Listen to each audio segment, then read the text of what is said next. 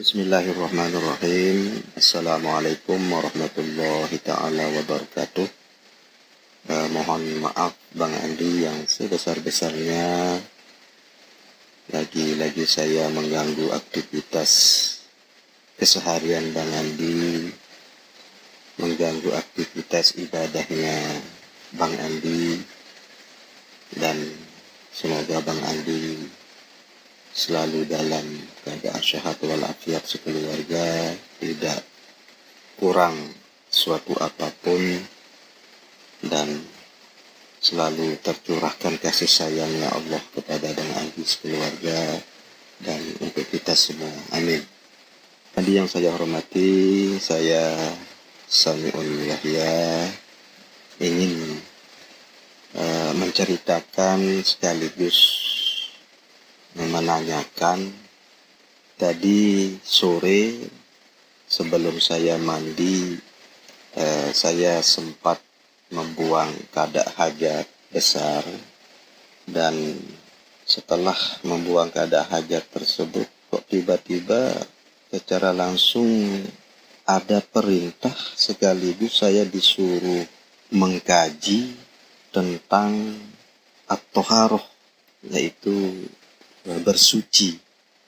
Nah, pada saat saya membuang keadaan hajat tadi, yaitu kotoran dede saya maupun kencing, di sana terlintas pertanyaan ke mana kira-kira kotoran-kotoran tersebut e, berak dan kencing yang kita keluarkan tersebut kira-kira ke mana kita akan serahkan kotoran tersebut.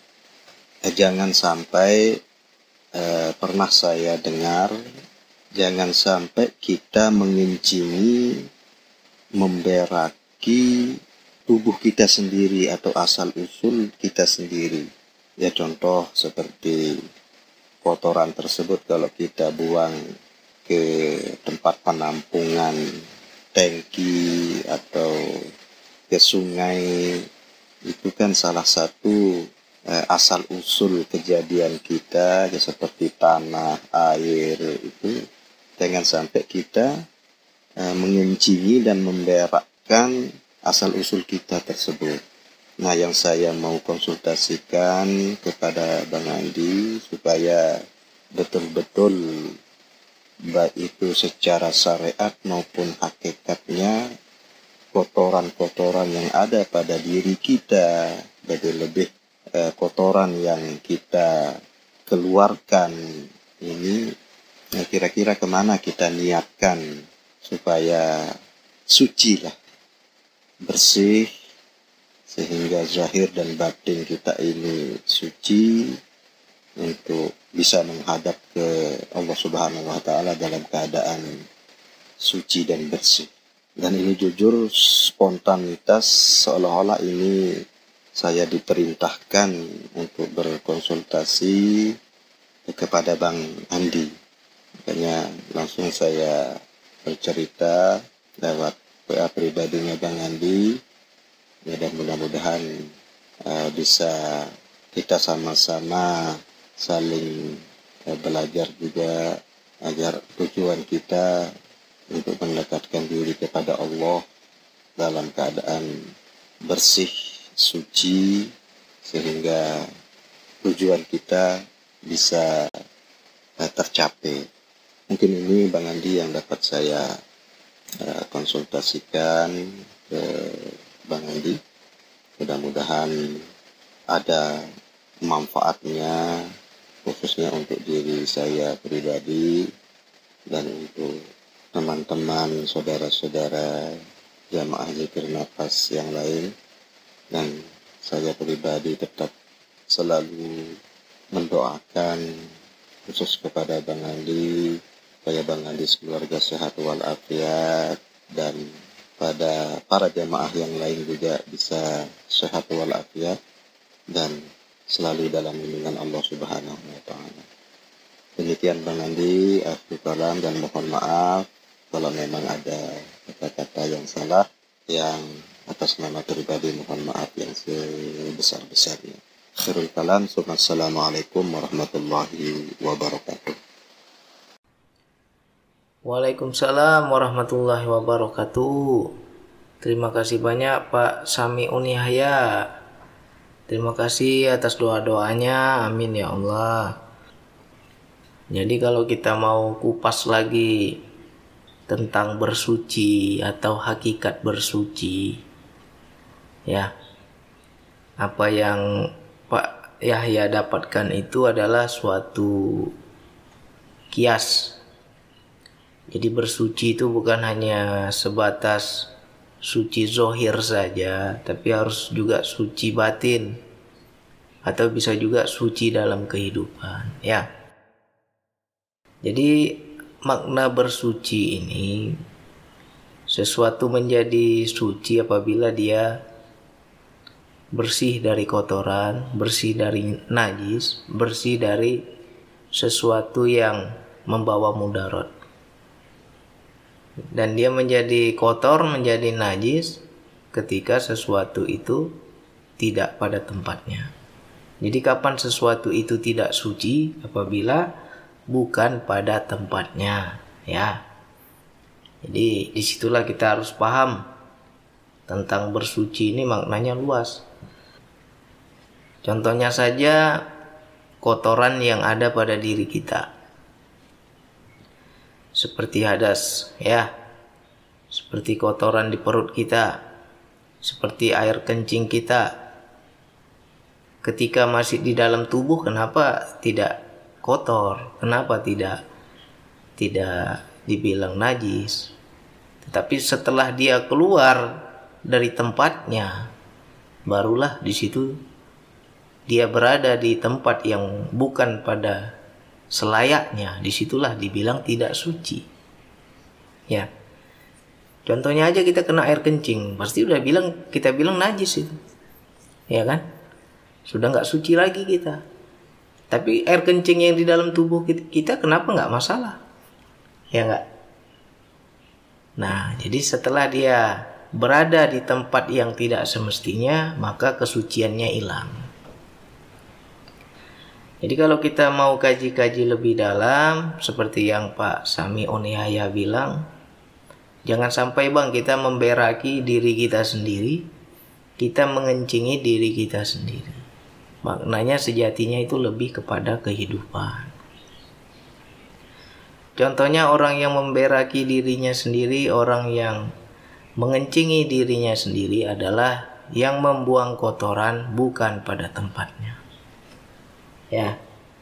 Yang membuang kotoran bukan pada tempatnya. Maka dia akan kembali dan di situ dia menjadi mengencingi dirinya sendiri atau memberaki dirinya sendiri ya banyak kita belajar kita mendengar kisah di Al-Quran juga ada ketika Allah hendak menciptakan manusia para malaikat tuh komplain nih kan Ya Allah, kenapa engkau menciptakan lagi makhluk yang akan merusakkan melakukan kerusakan di muka bumi?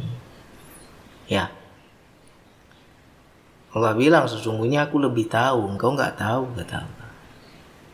Apakah komplainan uh, malaikat itu salah atau benar? Benar nggak salah. Apakah banyak manusia yang merusak di muka bumi? Banyak. Ya, Ya sebagai contoh, sebagai contoh. Gak usah jauh-jauh lah. Sebagai contoh macam orang menebang hutan. Ya. Ditebang, ditebang, ditebang. Akhirnya terjadi erosi, terjadi tanah longsor. Nah, itu tandanya kita sedang memberaki diri kita sendiri. Yang yang berakin siapa? Yang kencingin siapa? Ya kita sendiri. Kita yang berbuat. Ya. Akhirnya terjadi banjir karena hutan gundul ya. Serapan air jadi berkurang, akhirnya terjadi banjir. Ketika kita banjir, itulah bukti bahwa kita sedang mengencingi diri kita sendiri. Ya, itu tandanya kita nggak suci. Karena apa? Kita meletakkan sesuatu bukan pada tempatnya. Ya.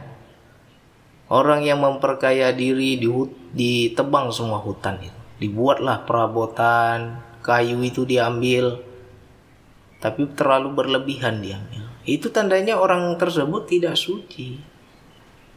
Karena dia sudah meletakkan sesuatu bukan pada tempatnya.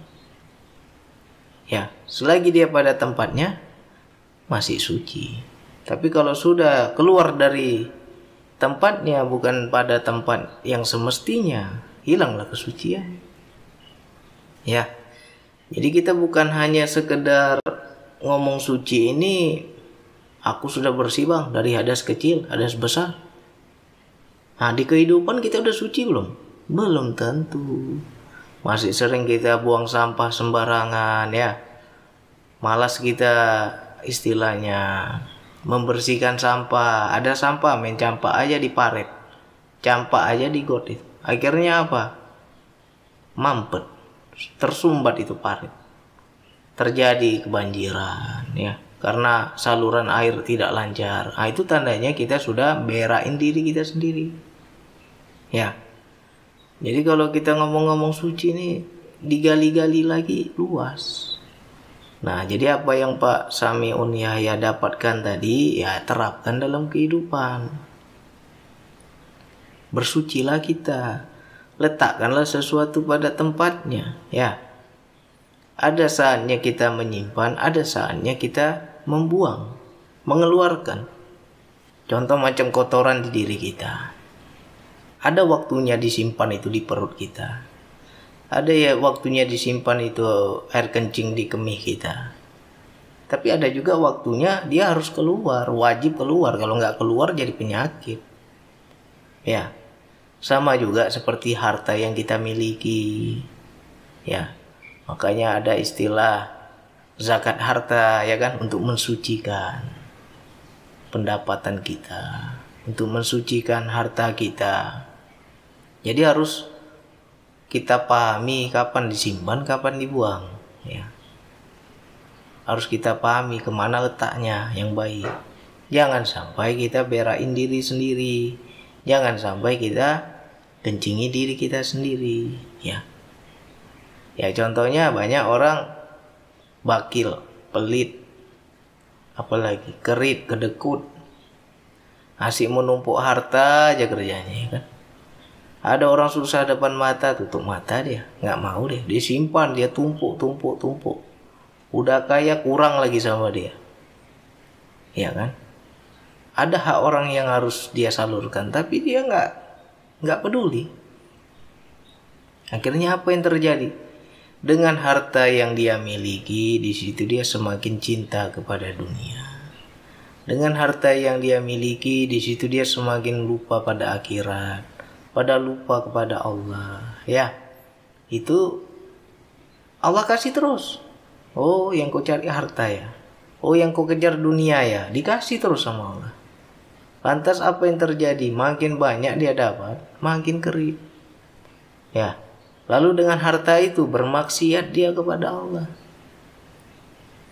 kalau kita banyak harta dikasih Allah banyak kita tolong orang banyak kita beramal, banyak kita berbuat baik, ya, banyak kita memudahkan orang lain. Nah, itulah orang-orang yang bersuci.